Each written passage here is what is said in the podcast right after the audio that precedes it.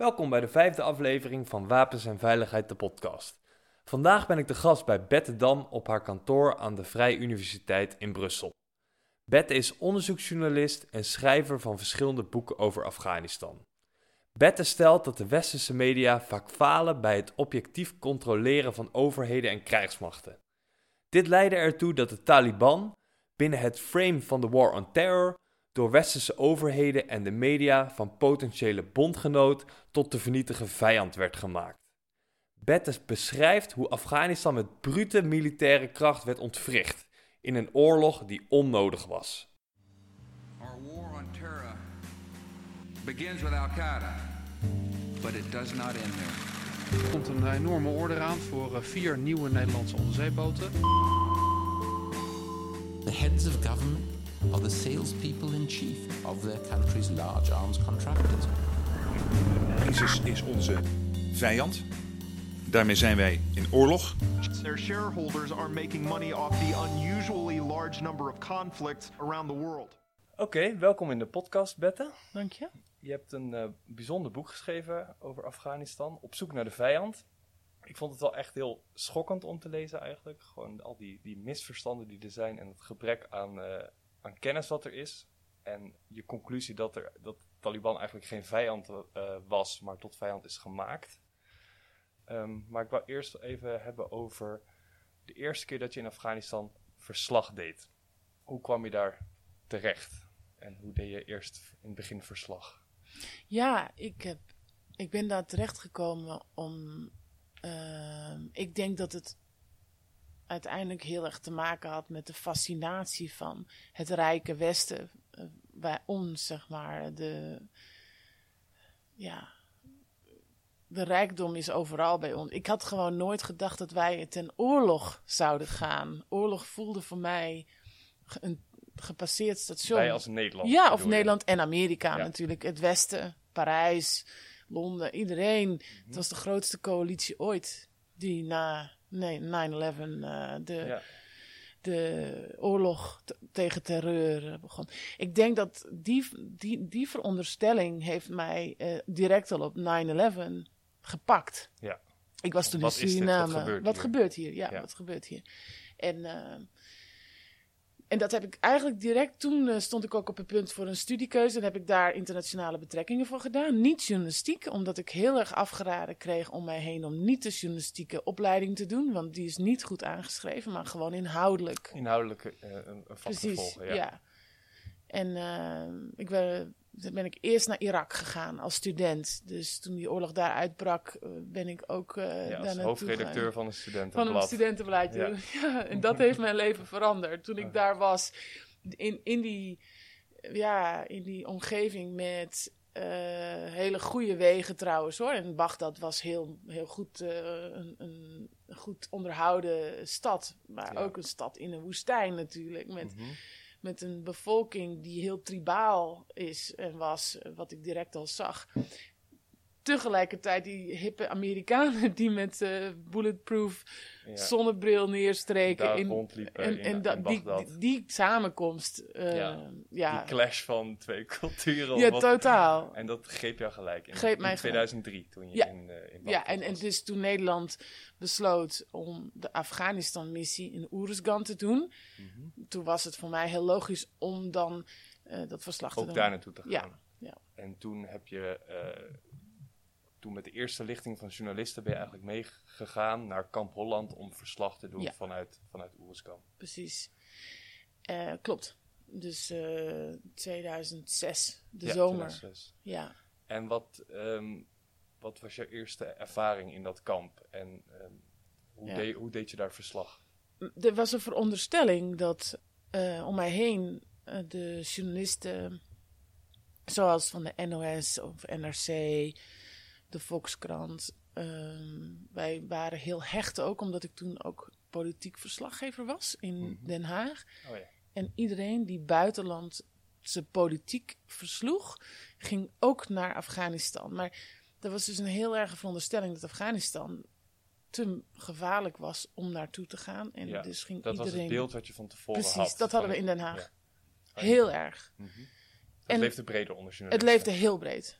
En, eh, dus er was een run op die eh, reisjes die het ministerie van Defensie ging maken Ja. naar hun eigen troepen in Oeruzgan. En mijn toenmalige vriend zei: Goh, gelukkig, je gaat nu met onze jongens mee. Mhm. Dus ik hoef me niet zo heel veel zorgen te maken. Want Ja. de Irak-reis was voor hem een totaal disaster. Ja, precies. vloog je gewoon op Bagdad. We vlogen Bamaan en dan Ja, met de ja. taxi, ja. Naar Bagdad. En die reis heb ik ontzettend. Irak-reis samen met een Iraakse man uit Nijmegen zijn we rond gaan trekken. Die, eh, daar heb ik niet heel veel angst gehad. En dat beschrijf ik dus ook in mijn boek. Dat zodra ik met die militairen meega, in, dat- in zo'n dik vliegtuig. Ja. En, ja, Oh, want je ging echt met een militair vliegtuig Ja, ja, naar vanuit. Eindhoven. Oh ja, ja. Ja. Oh ja, hoe dat gaat. zit direct tussen de militairen. En ik zag er ook uit als een militair eigenlijk. Ik had een van kaki kleding aan en van die dikke Timberland schoenen. Schoenen, ja. En onderweg maakte je vliegtuig eh, eh, hoe- hoe- Duikvluchten. om, om, om, dan krijg je natuurlijk ook gelijk de, de indruk van, oh, dit is wel serious business waar ik nu in beland ben. Precies. Dus de commandanten die vertelden ons: dit is, eh, this is war. Ja, en dat is ook de indruk die je kreeg eh, toen je in dat kamp was. Want je wil verslag doen van wat onze jongens daar doen. En, en hoe ging dat dan? Hoe, hoe deed je verslag? Ja, dus je hebt.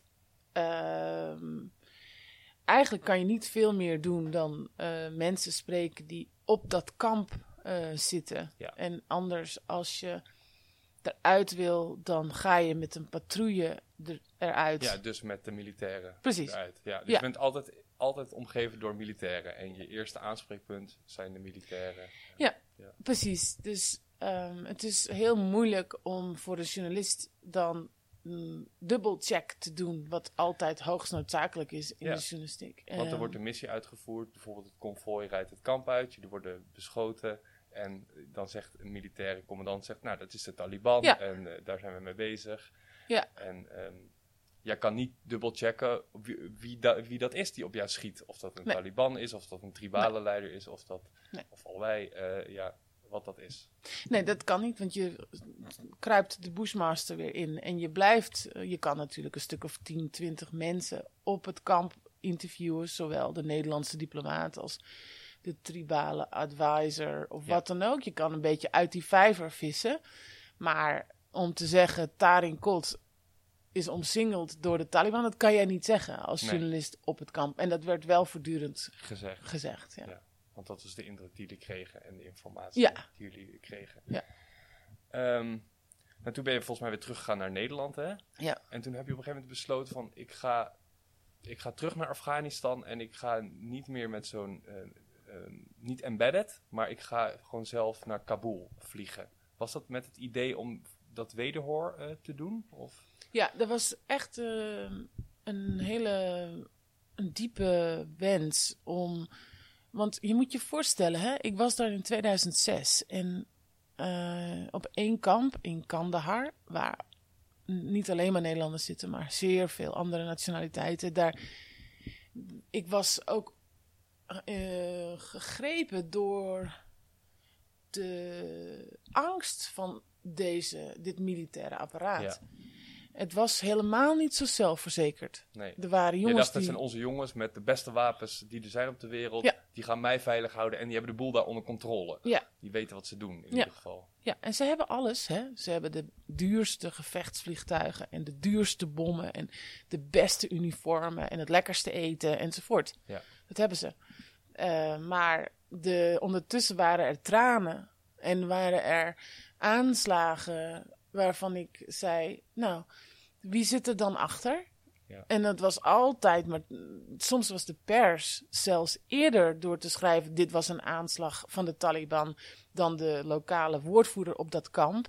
Maar daar was gewoon eigenlijk helemaal, eh, helemaal niks duidelijk over, als je begrijpt wat ik bedoel. Dus als er zo'n aanslag was, een raket op een kamp, en dan tikte Reuters al, of welke journalist dan op het kamp, die tikte al opnieuw Kandahar aangevallen. Ja.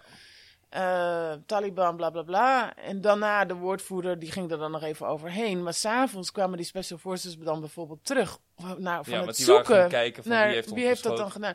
En, en dat was nooit een duidelijk antwoord van die jongens. Die Nee. stonden dan een sigaretje te roken naast die jeeps en zeiden van ja, geen idee joh, het was alleen maar een lichtknopje wat wij zagen. Dus feitelijk wisten ze dat gewoon niet. En ik merkte gewoon dat, dat ze, dat vond ik de grootste angst. Ze waren zo bang. Ze waren zo bang voor aanslagen. Ze lagen gewoon voortdurend onder vuur. Ja. En, en toen dacht ik, wat is dit dan? Want dan, heel vaak wisten ze het gewoon niet. Er waren jongens die gingen, er kwam een operatie Medusa. Nou, dat moet je eens googelen, joh. Dat, daar zijn zoveel mensen bij omgekomen. Door wel de, zowel de Nederlanders, maar de Canade- Canadezen hebben Afghanen doodgeschoten, dachtend dat dat Taliban waren, op de straat gegooid. In de hoop dat andere Taliban hun deze lijken zouden ophalen Om om, te begraven. En dan konden zij die Taliban doodschieten. Die Canadezen zaten gewoon in de, in de bosjes te wachten om die mannen dan ook dood te schieten. En in plaats daarvan kwamen honden. Die, die lijken op, daar staat Nederland bij. Dat, dat soort operaties van totale chaos. Met lijken. eh, Chaos en tegelijkertijd een stuk trauma bij die, te- bij die bij de militairen dan. En dan gewoon rukzichtloos. Oh ja, daar is ja. zeker een trigger happiness. Ja. eh, dat, dat is zeker ook een punt. En, en, en het, kijk, ik denk dat er uiteindelijk de- bij het militaire leiderschap was er wel degelijk een soort van wens om niet iedereen eh, aan te pakken als vijand. Ze probeerden het wel, maar ik, ik denk dat, dat er gewoon een totaal gebrek aan kennis was Geen over. idee wat er nou van- eigenlijk buiten dat kamp gebeurde. Ja, nou ja, inderdaad. En, en dat doen ze niet met opzet, denk ik. Het is enkel de. Of ze doen, ze doen het niet met opzet in de zin dat ze het een militaire operatie, 100% militair van maken. In die zin. En alles wat diplomatie was, was ondergeschikt aan dit soort leiderschappen die met generaals en kolonels die alles deden. Veiligheid, governance. Zij besloten de hoe, de Opbouw missie, opbouw alles. van een land. Ja, Ja. Maar veiligheid eerst. Want dat Altijd. leek ook dat dat eerst moet. Want we worden beschoten en we worden. eh, dus dat leek ook de prioriteit te hebben, gewoon altijd. ja, dat is zo. En daar heeft Afghanistan ontzettend onder geleden. Ja. En op een gegeven moment besluit jij dan toch naar Kabul te vliegen. Om dan ja, als onafhankelijke journalist eh, of als freelance journalist. Om daar te gaan. Het boerde jou of zo. Wat gebeurt Ja, hier ja. nou? Je wilde gewoon weten van wat gebeurt er nou buiten zo'n kamp. Ja. En je dacht eerst ga ik eens in Kabul kijken. Precies. Dat lijkt me het veiligst om te beginnen. ja, precies. Ja, ik had, ik had eh, die drang had ik om, eh, om dat te doen. En ja, ik denk, ik weet niet of andere mensen die hier naar luisteren het ook hebben, dat je gewoon zo stil bent van de grote, grootsheid van zo'n operatie en de, het gebruik van wapens door ons, door het Westen, zeg maar, door Den Haag en Washington. En zoveel dode mensen, zoveel. En, en dat, dat, kon ik, dat moest ik eigenlijk helemaal doorgronden, snappen. Ja. Hoe wij dat. hoe Waar wij in dat- betrokken zijn. Ja. Want je dacht, we horen hier eigenlijk zo weinig van in Nederland. Er staat zo weinig voor in de krant. Er wordt weinig over gediscussieerd. Terwijl wij zijn daar met militairen, met wapens, met... Ja, ik denk niet. Ik moet zeggen dat toen in 2006, toen Nederland daar ging, was het juist heel veel voorpagina nieuws. Hè? Elke Ja, aanslag was natuurlijk Ja. eh grote eh, voorpagina. Maar ja, dus toen heb ik een verhaal ontdekt waar langs ik dan heel erg goed dat andere kant van het verhaal kon laten zien. Omdat ik voelde van als ik een beetje de andere kant van het verhaal laat zien, dan kan ik beter snappen waarom we dit verliezen. Ja, Want als je de vijand kent, of de andere, dan, dat is bijna een soort oorlogstheorie, theorie, dan, dan snap je het beter. ja. je moet het begrijpen. eh, Van, van de vijand of de ja. ander. de Ja. ander.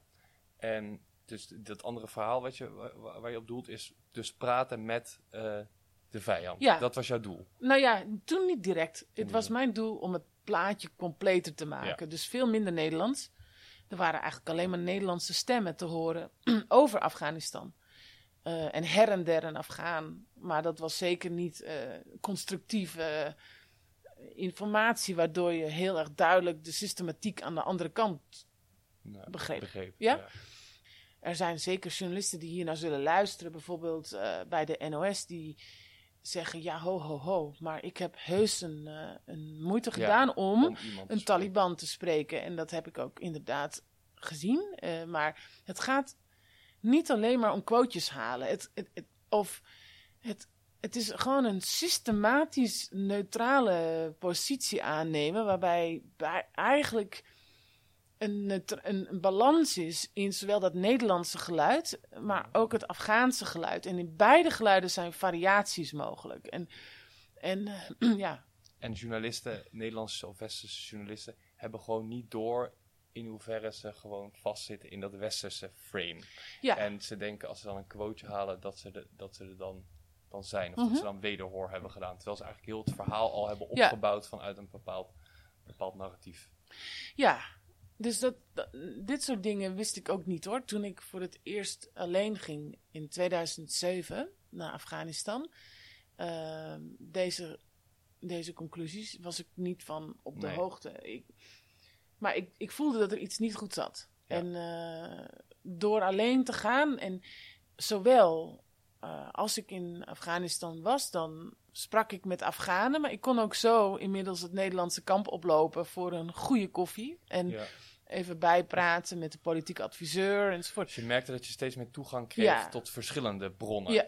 En Ja. dat je ook, ehm, ja, je beschrijft ook in je boek dat je ja, met, met Afghaanse vrienden of mensen op pad gaat. Eh, je, je, maakt uitstapjes naar de, naar de provincie. En je komt ineens in zo'n dorp waar je daarvoor dan met een militair konvooi binnen was gereden. Ja. En daar leer je eigenlijk ja, de andere kant zien. En je komt erachter dat bijvoorbeeld een van de verhalen in je boek is... eh, er komt een konvooi binnenrijden en mensen gaan maar gewoon schieten. Want het is zo random wie er gepakt gaat worden uit zo'n dorp... Mhm. dat ze zich gewoon maar al beginnen te verdedigen als, ze- als ze militairen Ja. aanzien komen. Ja. En, en dat versterkt ook het beeld van de militairen van... hé, hey, hier zit Taliban, Ja. want ze schieten op ons. Nou, precies. En dan, dat, dat is zo eh, frustrerend om te lezen in je boek. Dat gewoon de totale misverstand van twee kanten op. Ja, dus ik kon ineens zien waar de Kalashnikov-schoten vandaan kwamen. Ja. En Je sprak gewoon met ik die... sprak met ze. Ja. Ik ging naar ze toe als er een clash was geweest tussen de buitenlandse troepen en een familie. Dan ging ik de, de, naar de buitenlandse troepen om het verhaal te halen. Maar dat was makkelijk, want het staat in een press release en Ja. er wordt heel veel over gecommuniceerd. Maar wat die familie heeft meegemaakt of wat er is gebeurd lokaal in de dynamiek. Daar eh, kwam niemand. Nee. En wat zeiden, de, wat, wat zeiden de militairen of andere westerse eh, journalisten dat je daar naartoe ging? Ja, weet je, ik heb.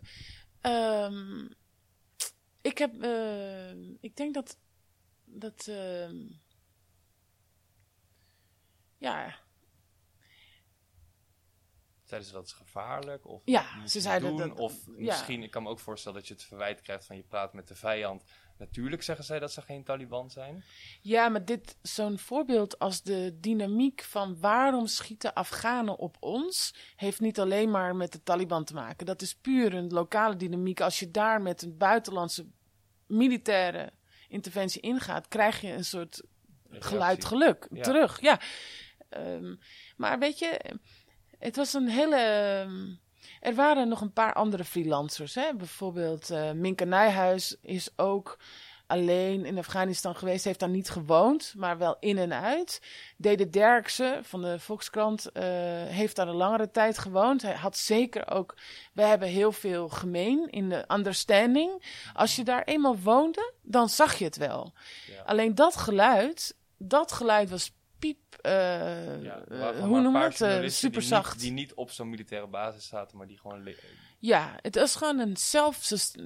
In het Nederlandse debat waren het gewoon de jongens van de grote televisiestations die voortdurend commentaar mochten geven op deze missie. En Ja.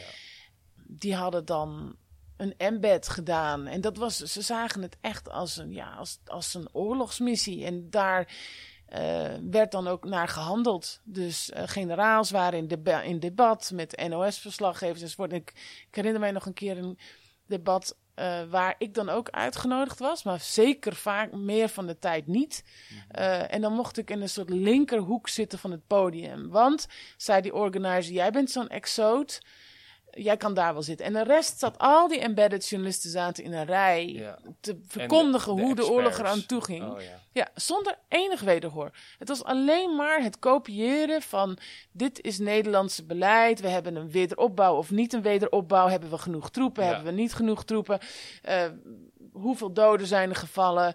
En niemand ook. Het Want, is ook heel belangrijk om te begrijpen als, als lezer die dit misschien heeft gevolgd. Er zijn, is geen enkele journalist van de NOS met, die, die echt het grootste budget hebben, die uitgezocht hebben wie de Nederlanders hebben gedood. En dat vind ik ongelooflijk falen van een publieke functie hebben van, van iets. Ik bedoel, dat zou je eigenlijk naderhand nu nog bij een commissie neer moeten leggen en zeggen: wat heeft de NOS hier eigenlijk uit te leggen? Eh, in plaats Met van. publiek geld en het grootste budget. En ze hebben gewoon een, een, een democratische functie, controleren wat er gebeurt. Ja, En jij zegt, zo'n zo'n discussie over zo'n Afghanistan-missie wordt vernauwd tot... Zijn er meer troepen nodig? Ehm, wordt de Taliban sterker of zwakker? wordt de Taliban sterker of zwakker? Hoe gaat het met de wederopbouw? En er wordt niet gepraat over wat gebeurt er nou? Op wie schieten we? Ehm, Nou ja, nee, dat, dat, dat, het is inderdaad een, wit narratief. Dus eh, wat hier wordt geproduceerd, het wordt, herkoud, zeg maar. Het is een ontzettende copy-paste behavior. En weet je, je moet ook niet vergeten dat als je aankomt in zo'n militair kamp, hè, en je bent eigenlijk gewoon een journalist die misschien drie jaar buitenland doet of zo, dan ben je ook wel overweldigd hoor. Door Ja. die generaals en die kolonels met die medailles. Ze eisen ook van alles. Ze eisen dat je alle afkortingen weet. Bijvoorbeeld. ja. Ze eisen Dat je alles. gelijk, en je, direct, ik was eh, er stil van. IAD's en al die, Oh ja. die, die termen. En Ja. het vliegt allemaal maar om je hoofd. En je denkt, nou, die mensen Je hebben wel moet heel ontzettend veel sterk in verstand je schoenen van. eh, staan. Wil je daar op een gegeven moment tegen de generaal kunnen zeggen. Maar jij weet niet wie je hebt gedood. ja. Dat is nogal wat. ja, dat, ja. En die, die stap tussen een. Kijk, journalisten zijn geen experts. Nee. En daar hebben we, daar, dat systeem waar we nu mee werken, produceert niet de drang naar experts. Nee, Eh, want je rouleert, je, je wordt even geparachuteerd. Wat Jos Luindijk ook schrijft, je wordt eventjes op een plek gezet en dan geef je kort. Ook Eh, daar het argument van de kranten zoals NRC zou ik kunnen zijn, je, dan raak je niet genoeg, dan raak je ook niet attached. Hè, dan ben je ook niet. En dat is een interessant debat wat we Oh, ze kunnen. willen juist dat je niet attached raakt, Precies. omdat, omdat je dan neutraal zou blijven ja, als je erin inderdaad. En dat is een eh, interessant debat. Ik heb, dat, eh, ik heb een tijdje bij die krant gezeten en ik zag dat, dat ze dat zo aanpakten. Ehm, en ik denk dat daar dat misschien een beetje eh, een, een, een, debat zou kunnen zijn over hoe krijg je expertise in je, in je verslaggeving. En ik, ik zie ook heus wel betere eh, voorbeelden van eh, mensen die, Nina Jurna bijvoorbeeld, in, die, die zit al lang in die regio, die weet veel. Maar goed, ja, in de oorlogsverslaggeving is dat eh, heel anders. In de oorlogsverslaggeving, zoals eh, wat ik heb gezien eh, toen wij eenmaal gezetteld waren in Kabul en de boel een beetje beginnen te begrijpen, is er ineens ISIS in Irak. En dan zie je letterlijk de helmen ingepakt worden, de scherfvesten en weg. Iedereen is weg naar. Iedereen gaat er even snel een Ja, verslag doen. Ja, dus ik, ik ja. Dus eigenlijk, wat, hè, we hebben natuurlijk, ik heb een hele lange Afghanistan-ervaring. Dus eh, sinds 2006 heb ik dat fulltime gedaan. Ik heb daar vier, eh, vier jaar gewoond. Ik kan je heel veel uitleggen over Afghanistan. En enkel omdat ik het wederhoor heb gehaald op een structurele manier. Dus structureel mensen spreken, terugkeren, opschrijven in boeken dan. Ja, Eh, en ertussen geleefd hebben. en ertussen geleefd hebben, ja. En natuurlijk ben ik nog steeds eh, wit, spreek ik de taal helemaal niet goed, enzovoort. Dus er is zit van altijd alles. een filter Ja, tussen, Ja, maar zeker. in ieder geval minder. Er zit- ja. Ik had niet gedacht dat, dat, eh, dat ik jou hier nu zou treffen. Want we zitten dus nu bij een, eh, bij een universiteit. Mhm. En ik heb nu geld om juist.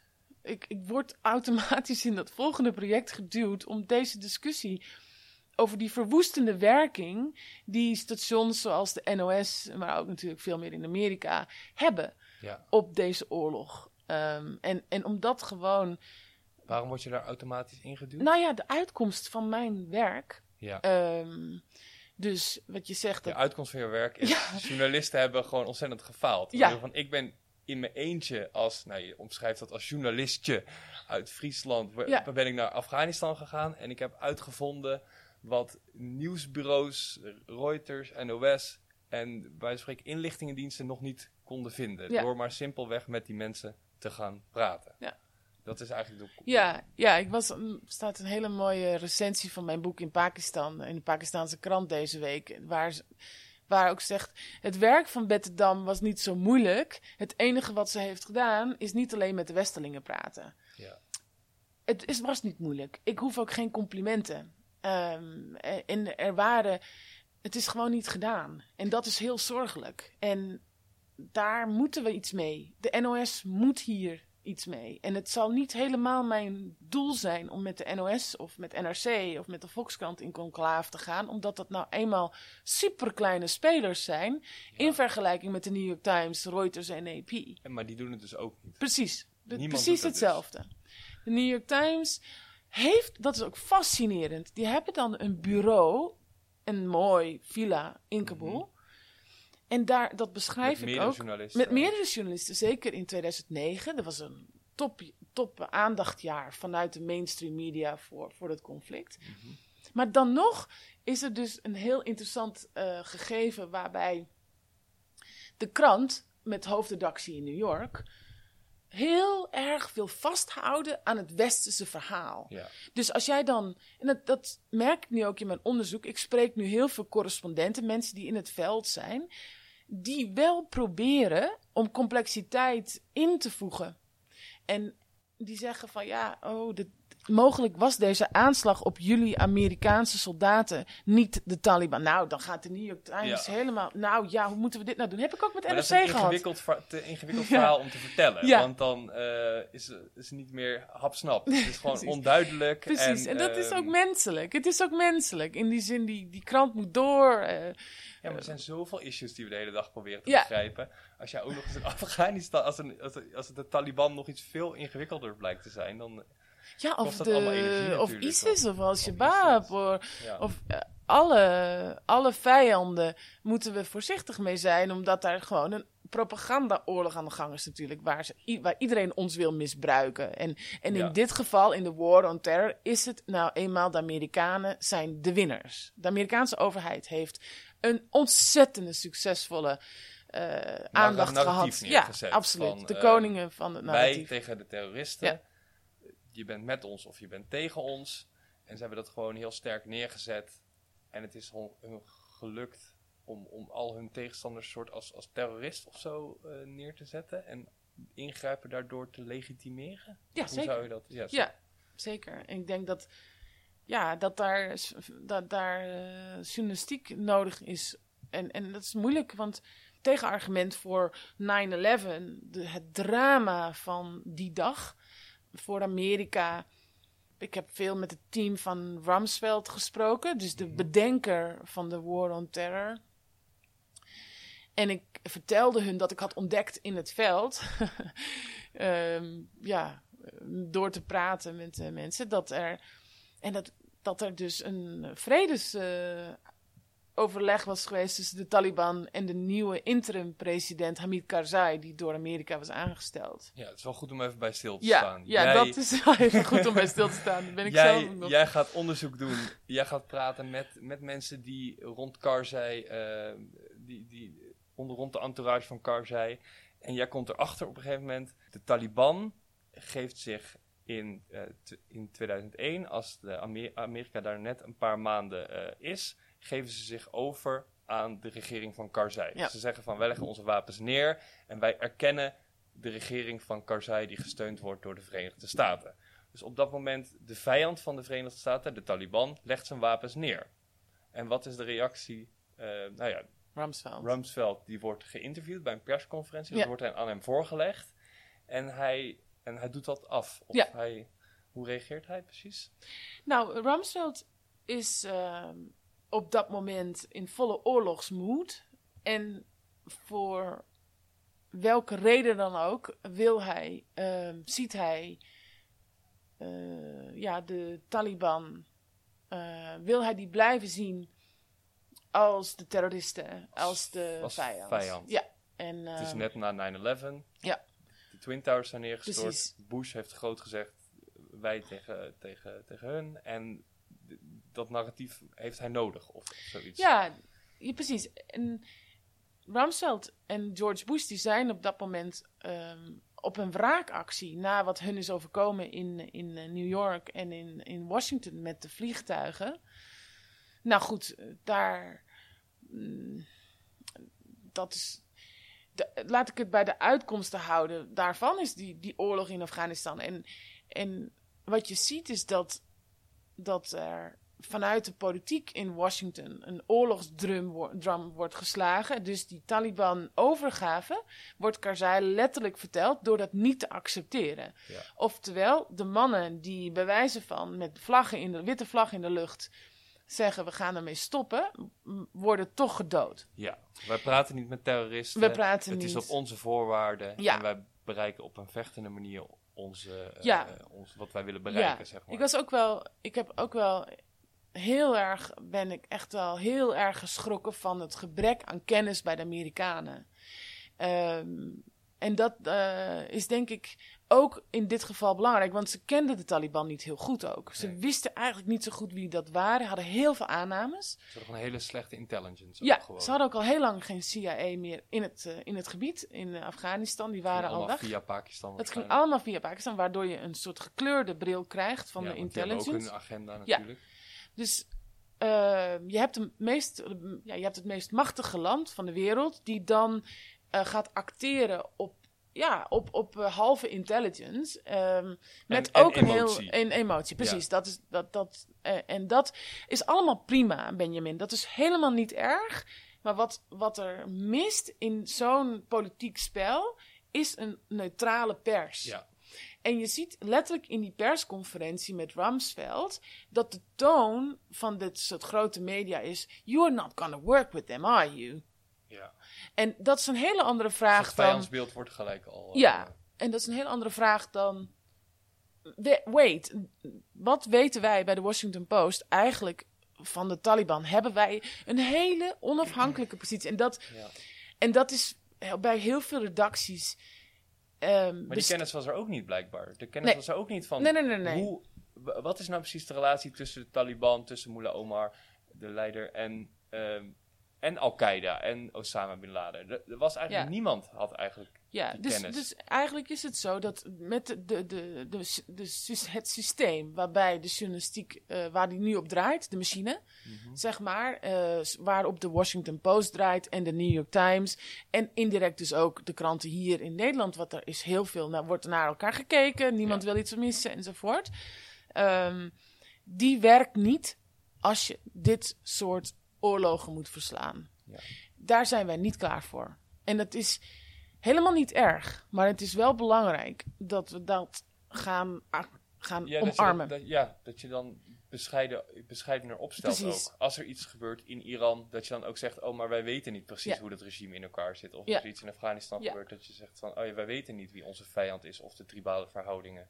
Dat je daar terughoudender in bent. Ja, ja precies. En dat, dat, dat is een fascinerend iets ehm, waarbij ik ook wel heb gezien in het veld in Kabul. De grote jongens van de New York Times, laat ik het zo zeggen. Soms zijn het ook vrouwen, maar het zijn ook wel heel vaak mannen. Die, die komen naar Kabul met een air van heb ik jou daar. Dat zijn hoogopgeleide witte mannen die van de Ivy League universities komen. Van Harvard. Nou, je, je hoeft bij Harvard eh, haar, is een bepaalde denken over de wereld, wordt daar gedaan. Is ook heel erg biased en heel erg gekleurd ten aanzien van, van de andere kant, enzovoort, enzovoort. Nou, dat soort lui komen dan in, in dit soort journalistiek terecht. En, en dat hij heeft allemaal filters, levert dat op, waardoor onze nieuwsvoorziening eh, ja, Gestuurd wordt. gestuurd bepaalde- wordt door bepaald westers idee van ja, heel, heel erg dominant, heel erg we- wetend van hier moet democ- democratie komen, Ja. enzovoort, enzovoort. En wij hebben de beste bedoelingen. En Ja. we zijn hier om op te bouwen. En als er iets fout gaat, dan is dat omdat dat, ja, dat is niet de bedoeling. En, en wat waarschijnlijk ook zo is. Maar ja, dat, dat stuurde gewoon op een bepaalde manier. Die het gebrek Ja. aan, eh, aan kennis. Ja.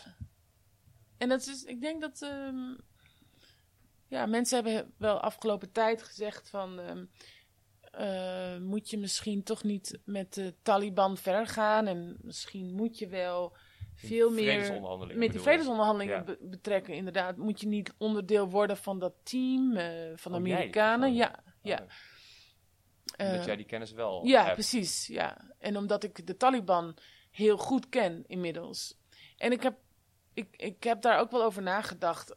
Maar mijn analyse was ook na dit lange bezoek aan Afghanistan, zullen we maar zeggen, dit langer zijn met dit conflict, dat als ik wilde nadenken over waar er meer rust in dit dossier komt, waar er meer, zeg maar, meer, minder, eh, eh, minder sensatie en minder, eh, ja, die drum van oorlog, ja, dat, dat, dat in, in de, dan, dan moet je toch echt bij de pers zijn. Dan heb je denk ik een veel Die mogelijk hebben geen agenda in principe zoals... Als, als, als, Nee, nee, nee. als we- als Wat ik bedoel is dat, zeg maar, het, de, het idee van een.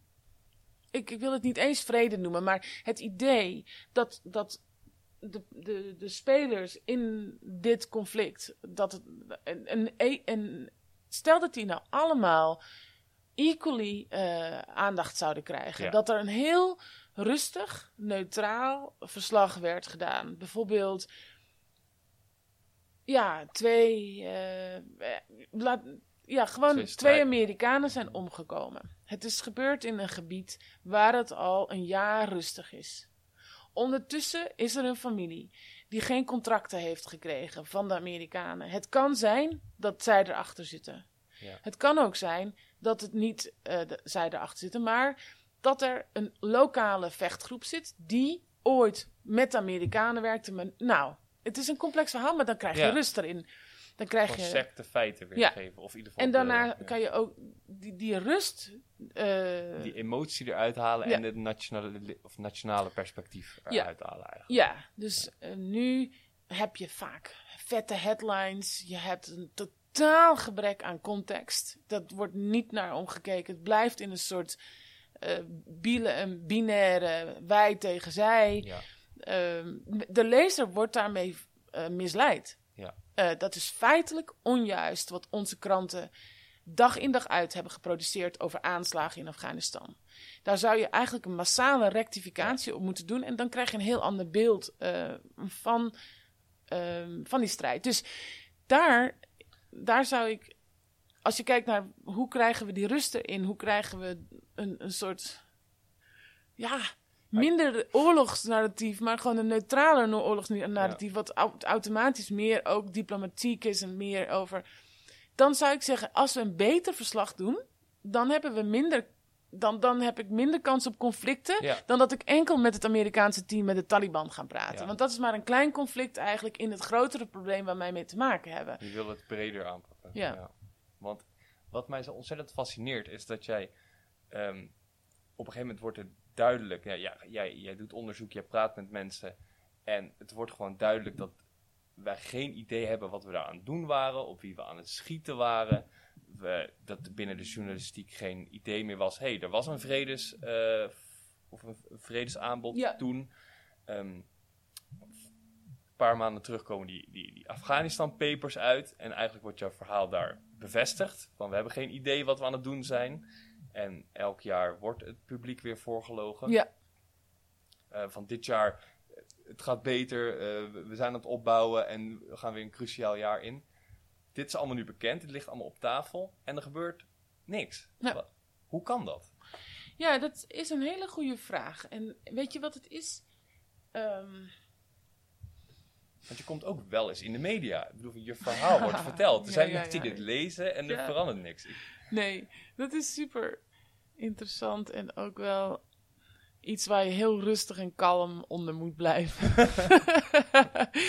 heel kalm onder moet blijven. Kijk, ik heb het idee ehm, dat je- als je mijn analyse nu, als ik, ja, dan, dan ja, ik, ik kan er niets anders zeggen dan dat ik ook, dat ik denk dat de crux ligt bij de manier van journalistiek doen. Wij moeten eigenlijk een pauze inlassen met z'n allen om te kijken van onze publieke taak, of dat nou NRC is, of de New York Times, of CNN, of de NOS. Wij hebben daar een grote verantwoordelijkheid. En die verantwoordelijkheid zie je bijvoorbeeld als je in, in oorlog eh, zit, maar je kan hem ook plakken Ja. op iets anders. Je hebt gewoon, de, de- hoe stroomt informatie? Daar heb ik heel veel lezingen naar over gegeven. Hè? het is zo belangrijk om dat te snappen. En dat moeten journalisten ook veel beter doorhebben. En, en ehm, dat is een ja. cirkel waarin wij zitten bijvoorbeeld. ehm, ja, ik kan je tientallen voorbeelden geven. Bijvoorbeeld ehm, VN-rapporten. Die komen dan om de zes maanden uit over de situatie in het land, ook in Afghanistan. Die worden altijd nieuws, Ja. omdat het de VN is. Wij zaten in Kabul, kregen die rapporten ook op ons bureau. En we zagen hoe de VN-analisten dus heel erg dicht bij Washington stonden. En heel erg leefden in een war on terror. Ondertussen allemaal bodyguards hadden, omdat ze niet zoveel mochten. Dus een analyse over een ver weg gebied in Oost-Afghanistan deden ze van een afstandje. Ja. Plus, ze zijn op. eh, eh, Plus binnen dat narratief. ja, wat er- omdat ze op uitnodiging zijn van de lokale Afghaanse overheid, die alleen maar betaald wordt door de Amerikaanse overheid. Wat blijft er dan over van een VN-rapport? Hoe gekleurd is dat? En kan een journalist van de New York Times daar de rust in vinden? En zeggen: Oké, als de VN zegt de Taliban heeft 50% van het land in de hand, wat betekent dat dan? Ja. En daar, daar moet moet je heel eh, kundig voor zijn. daar moet je heel kundig voor kunnen om- zijn. Om, en daar moet je een tijd voor gezeten hebben. En je moet begrijpen hoe een VN werkt. Je moet begrijpen hoe verslaggeving werkt en hoe dicht iedereen op dat war on terror narratief zit. Je moet een narratief een beetje uit elkaar kunnen plukken. Ja. Er, er wordt ook nogal wel, wel- wat gevraagd van journalisten. Ja, ik denk ook echt dat het. eh, ik heb het ook altijd als de meest moeilijke baan van de wereld gevonden. Ja. Omdat je die afstand altijd moet proberen te houden. Ja. En dat, dat, dat analytische moet, moet Ja. houden. En ook goed geïnformeerd moet zijn. En je kan. eh, je hebt een mogelijkheid om. Ja, die informatiepositie heb ik altijd fascinerend gevonden. Door, men, ja, door daar heel erg aan te bouwen. En, en dat was mooi om te doen. Mhm. Dat is prachtig om te doen, om netwerken op te bouwen die je dan kan bellen en nog een keer kan bellen en anderen ook kan opbellen om daarover te te praten. maar ook een MIVD'er, die zit ook in dat netwerk, die neemt mijn telefoon ook op, omdat, omdat ik daar ben. Hij wil Je dat ook je wel opnemen. midden in de, in Ja. de wereld en al die informatiestromen. En, dan- Ja, en, dus dat- dan- en die verantwoordelijkheid heb jij dan om dat door te geven. Ja, en. Dat, is, dat is alleen maar een prachtige journalistiek. En heel vaak zeggen journalisten die in de nieuwsbusiness zitten van... Ja, die tijd heb jij... Mijn vriend bij CNN, werkt nu in Moskou... Die zegt ook met veel weemoed van... Ja, die tijd heb jij. Die heb ik niet. Dus lever ik in. Ja. Ik, people Maar want zou je dat dan nog wel moeten... Kijk, het ja, als je... Want jij hebt het ook gedaan. Je hebt ook voor CNN... Je hebt Ja. 30 seconden. Ja. Vertel nu over, het, eh, over deze aanslag. Ja, Eh, en dan denk je, oh, maar ik ga, ik ga toch net iets anders doen. Want Ja. ik eh, zeg aan het eind van... Maar we weten niet zeker wie, ja het, wie dat het klopt. gedaan Ja, heeft. klopt. Dat heb ik Maar gedaan. dan, dan hou je toch wel het, het, het hele, de, de hele media-circus hou je in gang. Met, Ja. eh, want wat mensen alleen maar binnenkrijgen is aanslag en ze horen ergens Taliban. Zeg Ja. maar. Ja. Ja, ja Dus dus, is- in, eh, in mijn dromen... Dus de mensen, wat ik eh, hiermee wil zeggen is... ja. Van, journalisten hebben ook geen slechte bedoelingen, maar proberen Nee. ook binnen de hele beperkte omstandigheden en, en, en mogelijkheden die ze worden gegeven, proberen ze ook nog een soort van het beste ervan te maken.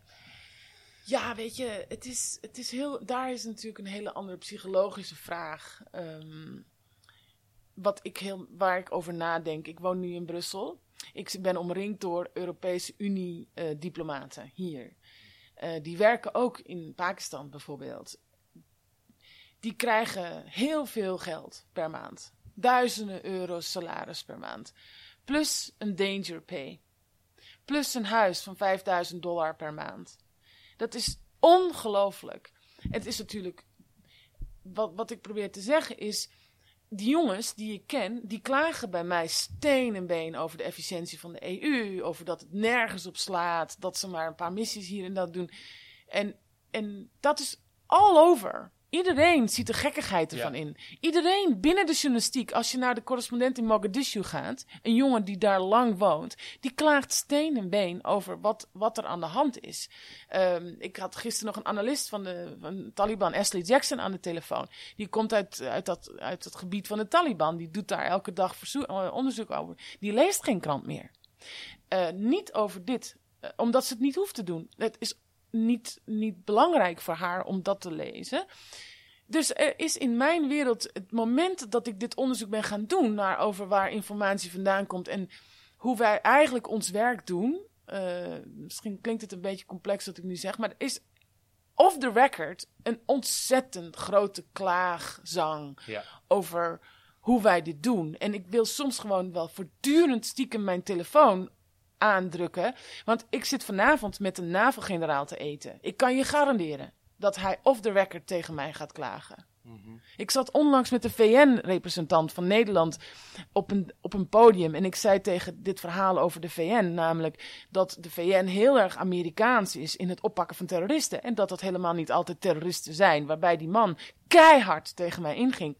En plein publiek, met draaien in de camera. En daarna, toen de camera uit was, mij bij mijn bovenarm pakte. Zegt natuurlijk heb jij gelijk, maar dat kan ik niet zeggen, hè? Ja. En toen zei ik, oh wacht, de camera draait daar nog. Zeg het nog een keer. Ja. Want dat is natuurlijk is een onmogelijke dat is wel positie. gekkigheid natuurlijk. Maar dan, maar dan beschermen ze toch hun eigen positie. Dat is, de, En dat is mijn punt eigenlijk van. wat ik wilde maken. Ja. Namelijk, iedereen ziet het wel. Iedereen heeft het erover. Eh, natuurlijk ben ik biased omdat ik er ook echt vragen over stel. Ja. Dus ik duw de discussie in een bepaalde richting. Maar ik denk soms ook wel eens, eh, als je in het ISIS-gebied werkt... of in de Sahel op dit moment, waar nu van alles aan de hand is... waarbij de Amerikanen heel graag de terreuragenda daar ook op plakken...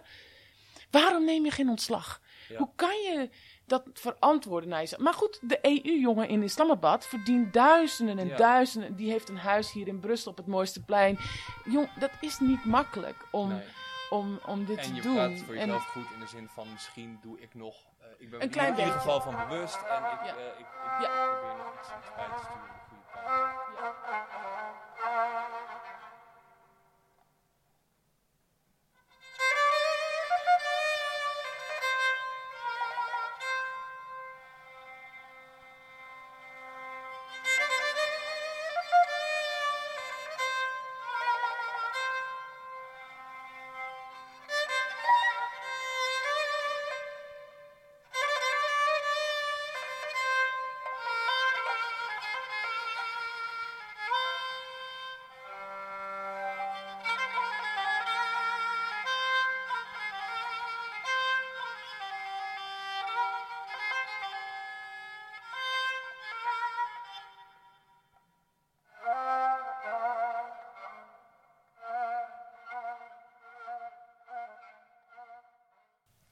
luister naar je, ehm, je, je discussie met Dick Berlijn Oh, de, ehm, in de Bali. En ehm, ongelooflijk dat hij... hij was dus de commandant der strijdkrachten toen Nederland, de Nederlandse missie naar eh, Afghanistan ging. En jij probeert met hem in, eh, in discussie te gaan. En jij, jij legt feiten voor hem neer van we wisten niet wat we aan het doen waren, Afghanistan papers. En eigenlijk zijn verweer is, maar we hadden goede bedoelingen en we gingen daar weder opbouwen en niet alles is goed gegaan. Maar we hebben in ieder geval iets gedaan. En waar halen wij toch het idee vandaan dat wij daar dan maar de boel moeten gaan oplossen? En al helemaal met militaire middelen, zeg maar. Hoe, hoe, hoe, verzinnen wij eh, dat? Of hoe, en zelfs na- 15 jaar later, het is een puinhoop en zo'n man die, die krijgt dat nog, nog steeds een podium om, om zijn onwaarheden te Ja, verkondigen. Precies, het is eh interessant eh, avond. Ik eh, had het niet verwacht. We hebben inderdaad een commandant der strijdkrachten die voor de missie was toen, een promotor van militair ingrijpen. Ehm, en maar ik, inderdaad, dus, dus je ziet hier een, man uit de elite, uit de macht, die veel wordt gebeld door journalisten. Eerder had hij een, een kritiekloos interview in de Volkskrant, waarbij de journalist zonder quotes hem de, ik ben het even kwijt, maar een hele belangrijke, slimme generaal van het leger, een van de beste. Ja, hij werd neergezet als een, door de Volkskrant als een, een van de beste. eh, ja, dus ja. Ik, ik ga een inhoudelijke discussie aan, want ik ben, ik ben dan, zeg maar, mijn positie is nu bijna een soort, eh, ja, een, echt een onderzoeksjournalistieke positie die daar 15 jaar heeft gewoond. Dus ik, ik map het out voor hem van nou, die vrede, we hebben de vrede gemist in 2001. Eigenlijk was er geen vijand meer. We zien vaker dat er heel vaak gelogen wordt om de oorlog gaande te houden. Ik, Ja. Dat is niet meer een fabeltje, dat is inmiddels aangenomen, daar weet iedereen van. En, en Dick Berlijn weet daar gewoon niet van. Of die, Ik, ik hij, hij deed alsof hij het niet wist. Alsof hij alle memo's gemist had. Ja, Ja. Ja, en, ik, en, en niet alleen deed hij dat, maar hij probeerde mij ook onderuit te schoffelen door mij als een beetje een, een gekkertje neer Ja. te zetten aan die tafel. Wat ik schokkend vond eh, dat hij dat deed. Eh, ik vond het ook heel erg veel zeggen over hem. Maar ik denk echt dat Dick Berlijn zich waant in een soort, eh, ja, in een soort positie waarbij hij, zoals zo'n Volkskrantjournalist, eh, met, met veel egaar wordt ja, nou, binnengehaald. precies. Hij wordt de hele dag als expert Ja, be- ja. behandeld. Ja. En als de persoon die het weet. Ja. En eh, zelfs al heeft hij dan vijf jaar al niks meer over Afghanistan gelezen. En de Afghanistan Papers niet gezien. Hij gaat daar toch zitten en zijn verhaal doen. hij, en Want dat is, dat is de standaard. Ja. Bij Nieuwsuur wordt gewoon een, Ja. zo'n persoon, een militair expert, een, Ja, eh, Ik heb ook en- inderdaad deze ervaring met. Nieuwsuur. Ja, ik heb dat paar keer eh, meegemaakt ook. En dat is denk ik niet om nou heel erg... Dat is gewoon de analyse, denk ik, van het probleem. Dick Berlijn zei naderhand dat hij het een zeer onprettig gesprek vond... en dat hij liever had gewild dat ik hem had gebeld van tevoren.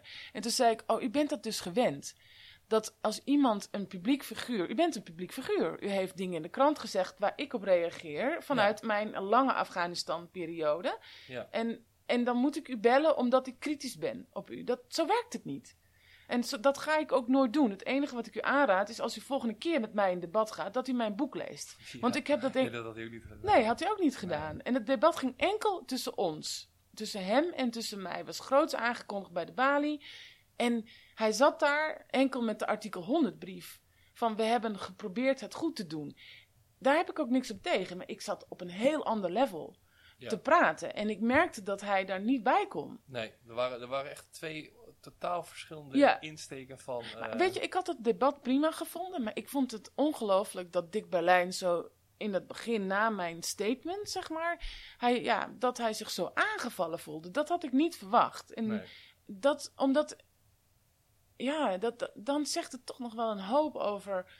Ik zei ook tegen Dick Berlijn, zo'n informatie over oorlog on- ontwikkelt zich ook. Wat we in 2006 wisten, Ja, dat kon jij ook niet weten. Nee, Ik bedoel van- dat ja, zeg ik dat- ook. Ik- ja, ja, precies, ik- dat ik- zeg je nog tegen hem. Ik Ja. zei ook nog tegen Berlijn, dat kon je niet weten omdat ook de kranten er niet over rapporteerden. En toch was die inderdaad eh, boos op mij.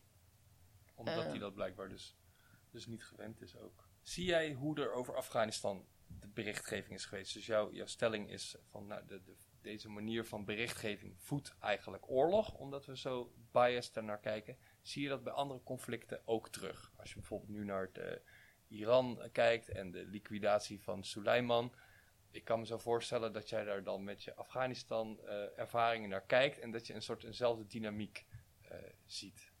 Ja, ik denk wel dat een groot verschil is dat eh, op dit moment we te maken hebben met een president, Trump in dit geval, waar de kranten een stuk kritischer over zijn Ja. dan Obama. Obama, ja. Want dat was de progressieve held, bij wijze van. Precies. En Obama heeft de meeste drones ooit gegooid eh, op Afghanistan. Dat soort verhalen eh, horen we niet echt. Maar Obama had veel meer credit. Als Obama deze meneer had doodgeschoten. of eh, deze meneer eh, door een, eh, een luchtaanval had omgebracht. was de situatie heel anders geweest. Vanuit Nederlands perspectief. Nee, vanuit Amerika. Dus als, als Obama deze actie had gedaan. Ja. van de Revolutionary Guard. Dan hadden we daar positiever naar. Oh, ik ben heel benieuwd. Dan was het denk ik een heel ander verslag geworden. Nog iets meer pro-Amerikaans narratief dan nu. Nu was het van die gekke Trump. Wat moeten we hiermee? Dus daar ontstond iets Ja. meer kritiek. Want, want Obama heeft, heeft aan de lopende band buitenechtelijke executies Ja. gedaan. Maar meer in, in niet-statelijke actoren, denk ik. Ik denk, volgens mij heeft Obama niet een, een, een generaal van een, Nee, van een, nee van ik zeg ook niet dat hij dat heeft gedaan. Maar Nee. probeer Ja, voor te stellen ja. dat, Obama dit vorige maand had gedaan. En niet Trump. Ik denk dat het verslag iets anders was geweest. Ja. In de lijn die we hebben gezien na 9-11 in Afghanistan.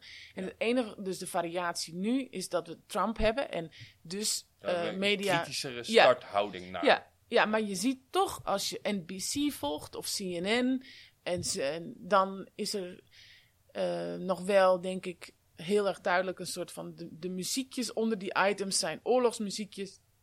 is een soort drum, drum die je hoort. Dus, en we are here and we don't know how. Het gaat alleen maar over de vraag wie gaat er eerst reageren. De vraag dat Iran niet gaat reageren, wat eigenlijk een beetje zo is gebleken, behalve een paar raketten. Het wordt niet in, en wordt niet in het verslag meegenomen. Dat het ook stil kan blijven. Of dat er misschien een onder... wanneer escaleert het, bedoel je? Ja, het gaat alleen maar wanneer gaat het escaleren? Morgen of vanmiddag nog of eh, dat soort dingen. Ja. Want is het ook niet gewoon... Ze hebben jouw verhaal, dat heeft dan een keer in de NRC gestaan. En dat is het dan. Dat is, dat is ehm, mensen zijn dan Betterdam moe. Of dat verhaal hebben we al een keer gehoord. Of denk je dat het structureler is? Ehm. Mm. ik denk dat, het niet, dat ik niet zo heel erg overal te klagen heb aan aandacht. Als, ik heb vaak op Radio 1 de kans gehad om verslag te doen en te zeggen: pas op, we weten het niet. Ehm, het is alleen dat eh, denk ik dat dat geluid het lastig heeft om een plek te vinden in het hardere, luidere geluid van, Ja, van het embedded. eh, dus je ziet nu bijvoorbeeld een interessant voorbeeld. Denk ik is dat mijn Moela Omar boek, dat wat nu is uitgekomen over dit onderwerp, hè, over de zoektocht naar zo'n Most Wanted, heeft het redelijk goed gedaan in Nederland. Ehm, en het is ontzettend moeilijk om dat verhaal nu, om dat boek te vertaald te krijgen in de VS en de UK. Mhm. Eh, en daar komt ook een beetje weer dat terug van wat is het dominante geluid? Het is ook een matter of marketing. Dat dat, dat ver- verkoopt gewoon minder Nou, goed. die nuance, we hebben gewoon minder haakjes, ideologisch, waar zo'n verhaal dan in, Ja. in past. Ja. Dus een verhaal, een Taliban-verhaal of een vijandverhaal, dat past gewoon makkelijker in wat we de hele dag horen. En jouw verhaal is gewoon lastiger ergens eh, Ja. tussen te zetten. Dat beklijft niet. Of Ja. het, is, ja, het kost tijd, het kost energie. Ja. Ja, dus als, ik heb heel vaak mensen in mijn eh, publiek eh, met lezingen die dan eigenlijk een soort advies vragen hoe ze moeten lezen. En wat dan? Hoe ze de krant moeten lezen. Ja, wat, en wat moeten ze dan lezen? Ehm, en daar ben ik ook een beetje aan het werken om daar een soort van eh outline voor te maken. Van wat, wat kan je doen als je neutrale informatie tot je wil krijgen. En ik, maar ik denk dat het be- begin is het besef van de dominantie van de meest machtige kant van de wereld, die ook terug te zien is in het nieuws. Ja. Dus een, Nederland, een, Fra- een Franse krant heeft dat probleem. The Guardian heeft dat probleem zelfs. Dus heel erg veel meer autoriteiten, westerse autoriteiten aan het interviewen dan de andere kant. Ook in Afghanistan. The Guardian was niet veel beter. Behalve dat ze super kritisch waren op die westerse onderdeel van, van de macht, zeg Ja. maar. Anyway. En dus daar moet je gewoon als eerste al bewust van zijn. Gewoon Eh, het idee van het is, het is niet neutraal. Ja. Er worden, ja, Het, de Economist kan je mee gaan zwaaien. Maar eigenlijk, als je weet wie de Economist is en waar het geld vandaan komt, dat naar de Economist gaat, wat voor agenda daarachter zit, dan is het, ziet het er een beetje lullig uit als je met de Economist zwaait om je credibility te verhogen. In mijn wereld. Als mensen tegen mij zeggen, maar ik heb het gelezen in de New York Times, dan zegt dat mij niks. nu niet meer, Nee. bedoel je. Nee. Omdat je weet eh, waar dat vandaan Ja, komt. Dat nieuws. dus ik moet- Maar dat heeft bij de, bij, de, normale persoon nog steeds credibility als New York Times, het grootste medium ter wereld, Ja. iets zegt. Ja, dus dat is ook, denk ik. Maar dat, dat heb jij dus, je zegt, ik heb geleerd om dat met een korrel zout te Ja. nemen. Dus Ja. er zijn af en toe zeker journalisten die eh, een uitzondering zijn. Die zijn er. Maar het dominante eh, narratief, van, dat is moeilijk om te kenteren. En eh, daar zit, ik, ik zie dat, omdat ik daar onderdeel van ben. Ik zie dat vanavond die NAVO-generaal die ik ga spreken, die wilde eerst een soort groter diner houden. Met ook andere, wat minder kritische experts. En hij een wil. publiek event of Nee. je, heb je met hem afgesproken? Diner, ja. Oh, een diner, ja. En dan merk ik dat hij zegt van ja, ik weet, eh, de, de spokesperson belt dan, die zegt van ja, wil je daarbij zijn? Ik zeg, oh ja, ik wil een beetje horen hoe het met hem gaat en eh, ik ga er wel bij zitten en zo. Ja, ja, laten we daar nog even over nadenken. En dan kiezen ze uiteindelijk toch ervoor om een mainstream-achtige denktank iemand uit te nodigen. Erbij te Ja, zetten. omdat het gewoon Credibility. Het heeft, ja, dus daar, het is moeilijk. Het, we zitten met een heel groot, ja, we zitten met een machinerie die draait. Die heet de NAVO, die heet Buitenlandse Zaken, die heet de EU. En die hebben allemaal een, een belang. Die hebben allemaal een agenda. Die willen dat voor elkaar krijgen op een bepaalde manier. En de, op dit moment hebben dat soort instituten het vrij makkelijk Ja. met onze pers. Want we, Ehm. leren, we weten allemaal, leren we ook op school wat bij mij in de geschiedenis wat propaganda is. En we weten allemaal dat nieuws gekleurd kan zijn en dat informatie gekleurd kan zijn. Dat bepaalde eh, mensen en organisaties agenda's hebben. Maar we zijn ons minder bewust van die agenda's en die biases in het, als het gaat om westerse. eh, Ja. ja. Ja, dus ehm het woord propaganda is ook heel gevoelig. Dat mag je wel gebruiken als je over Moskou praat of over de Taliban-website of, of de ISIS-website. Dat wordt allemaal met gemak propaganda genoemd. Maar de- Ja. in Washington is er een hele eh, grote PR-machine aan de Ja, gang. een hele grote PR-machine. Ja. En die willen toch ook laten zien dat hun eh, inspanningen. Ja, maar dan eh, weet je ehm, wat de redenering daarachter hebben is. en- ja, ja. en dat weet jij ook wel. Is dat, dat dit, Washington is de representant van de democratie. Namelijk dat ideaalbeeld van hoe een staat zou moeten functioneren. En daar is gewoon nog bij de redacties vaak een soort van. Ja, dat, daar zullen ze niet zo snel liegen als in Moskou. Of daar zullen ze niet zo snel Dat het als idee, in. ja. ja. Ja. En, en eh, dat maakt ook omdat we dezelfde taal spreken. Amerikaanse journalisten. vertrouwen- ja, vertrouwelijk vertrouwen. ja. Het is ook in Den Haag zag ik dat heel duidelijk. Het is nou eenmaal prestige om contact te hebben met die minister. En helemaal als je zijn mobiele telefoonnummer hebt, dan ben je echt wel top of the bill. Eh, ja, kan je die minister aan in dat gesprek? Weet je heel goed wat, er, wat daar het, het Mhm. Ja. andere verhaal is enzovoort. Dat wordt dan... Is heel moeilijk ook. is heel moeilijk. Ja, ik ging een keer Hand en Broek interviewen. Oké, En ehm, ja, je hebt gewoon... Nieuwsuur belt. Oh, nou neem het vooral op. Zullen we even kijken wat ja, ze willen? doe maar. Hoi, met Bette. Ad? Hoi.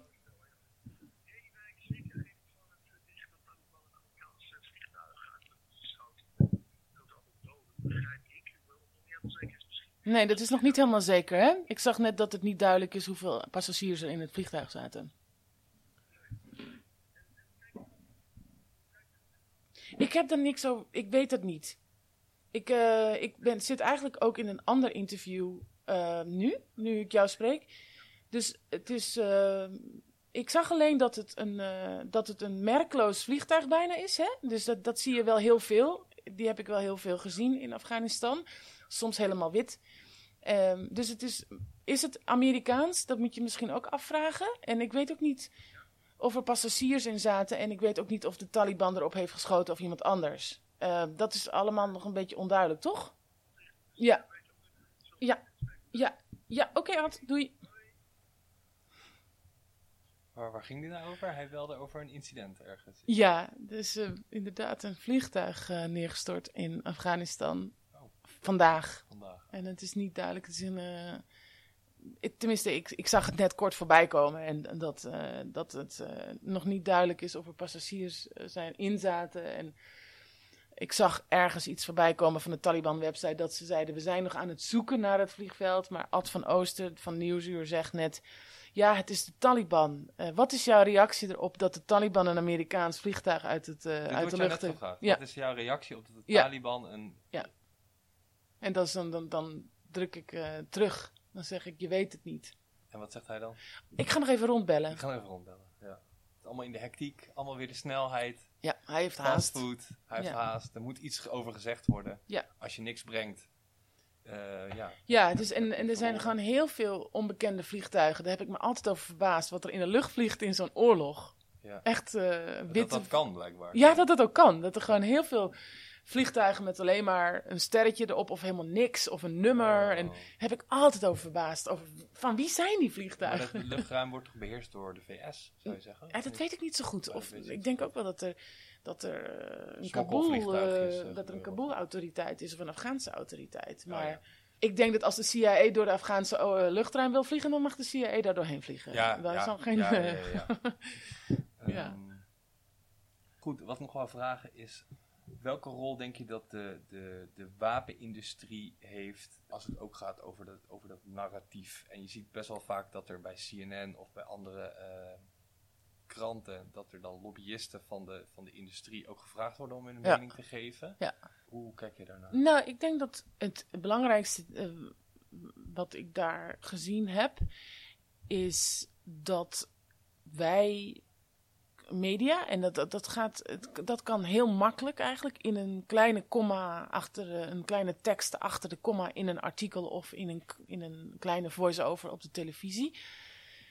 Moeten wij daar hebben we daar veel grotere verantwoordelijkheid dan, Dus dan we, we moeten het gewoon benoemen. Dus wat je heel vaak ziet bij mijn, eh, in mijn wereld, General Petraeus De counterinsurgency specialist. heeft totaal gefaald in Afghanistan. Laten we dat vooropstellen. Mhm. De theorietjes in Want het hij was westen, de leider van de Amerikaanse... Irak en Afghanistan. Irak en Afghanistan. Hij was de oorlogsdokter Ja. eh, die het zou eh, fixen. En er zullen heel veel journalisten in Washington tegen jou zeggen: dat is dan. Hij zal echt een beetje als Dick Berlijn worden rondgedragen in Hij Washington. is de grote meneer. Ja. Alles is onder zijn handen mislukt. Laten we dat gewoon stellen. Ik bedoel, de, de, de, overall, de oorlog is misgegaan. Ook onder Petraeus.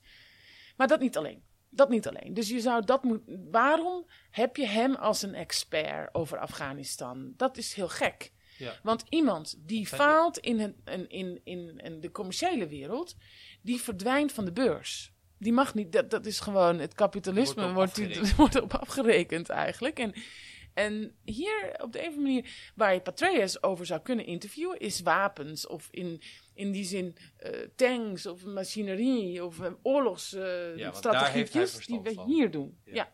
Oh, Ik moet niet strategietjes zeggen, maar ik Of ben- verantwoording afgeven voor wat hij daar gedaan heeft. Daar Dat, dat is een andere vraag. Maar niet als expert die het allemaal zou Nee, weet. van eh, wordt de Taliban groter of wordt de Taliban minder groot? Dat soort vragen krijgt hij aan de lopende. Maar dan nog een ander punt.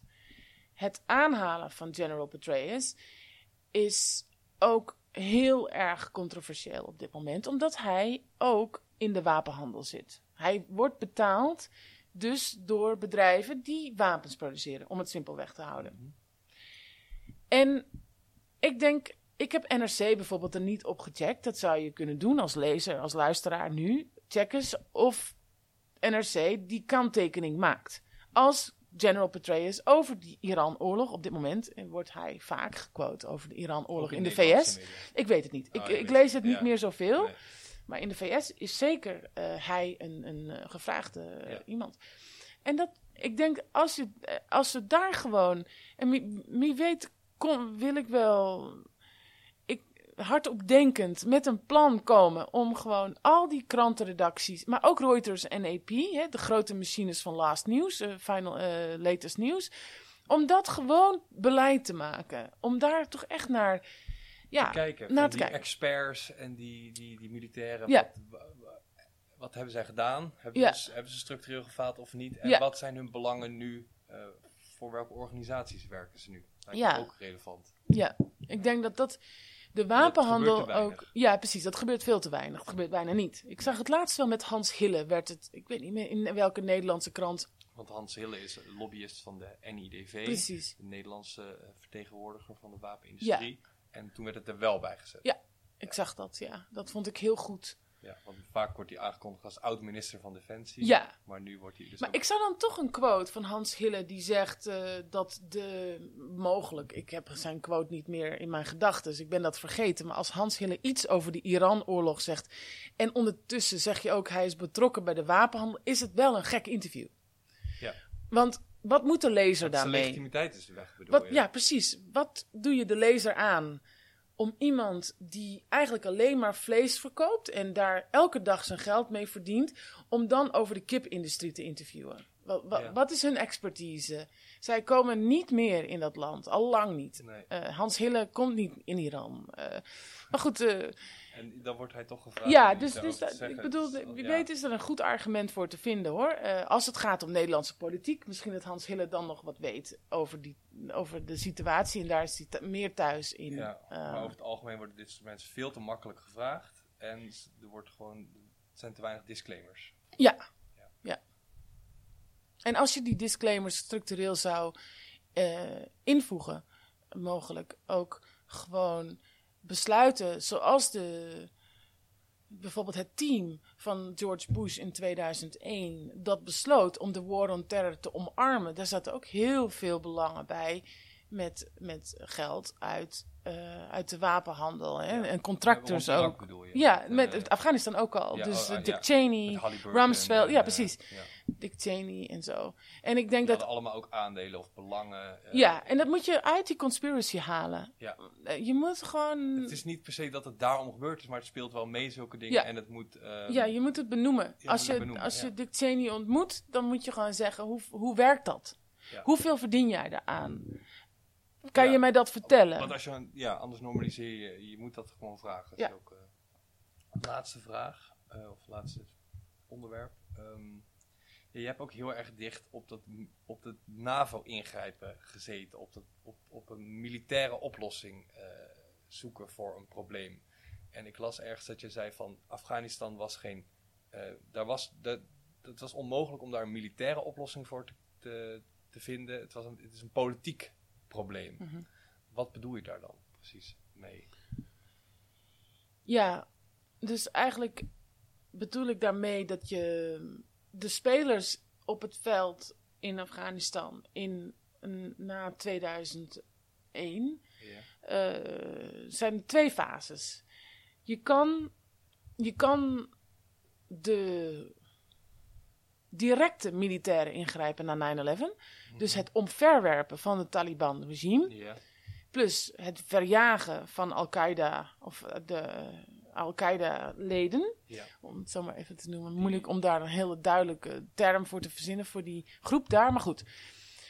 Dat is een blitzkrieg geweest van drie maanden. ja. Militair succesvol in de zin dat je Taliban eh omverwerpt. Ja.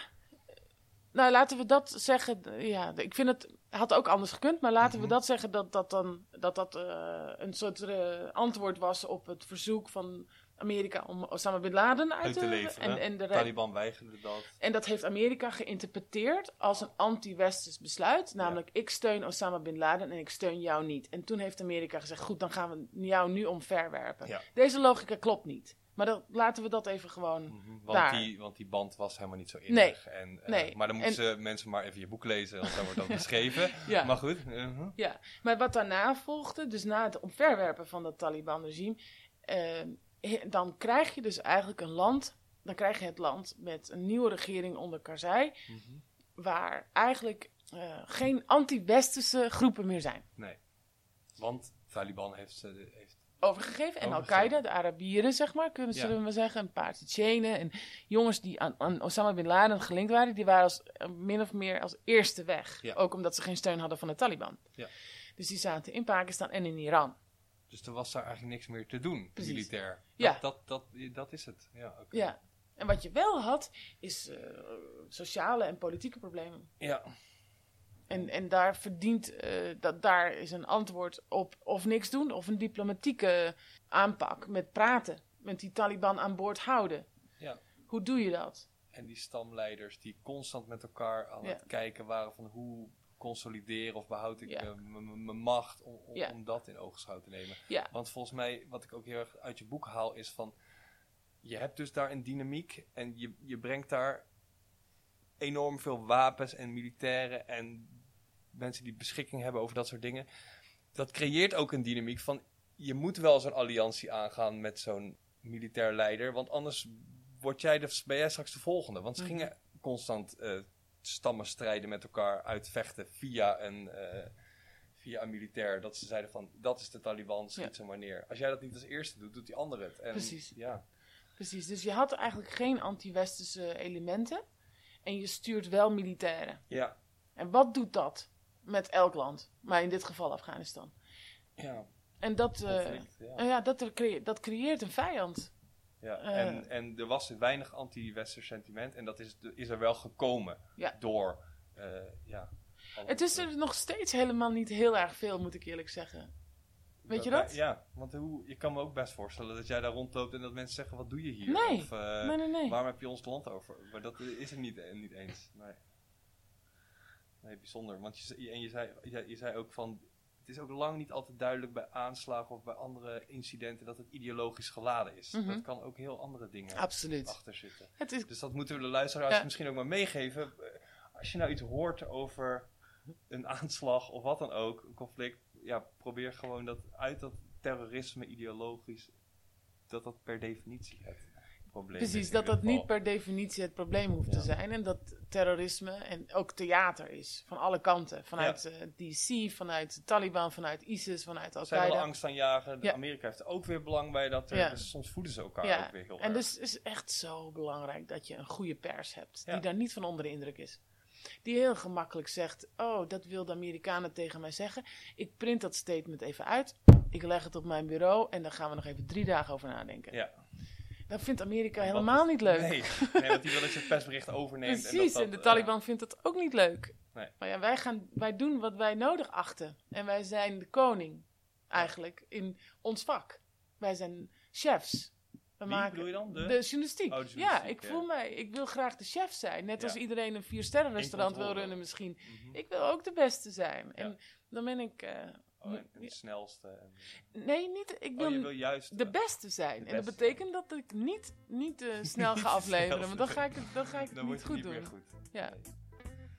Nou goed, ik vond het uh, erg leuk. Nou, Dank je. ja, bedankt voor het gesprek. En ik hoop ehm, ja, dat je succes gaat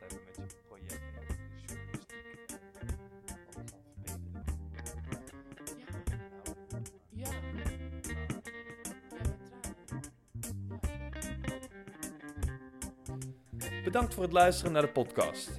Wil je verder praten over veiligheidsnarratieven en de rol van de wapenindustrie? Dan ben je van harte welkom op 28 februari bij de discussieavond Let's Talk About War in Pakhuis de Zwijger in Amsterdam. Kijk voor meer informatie op www.stopwapenhandel.org.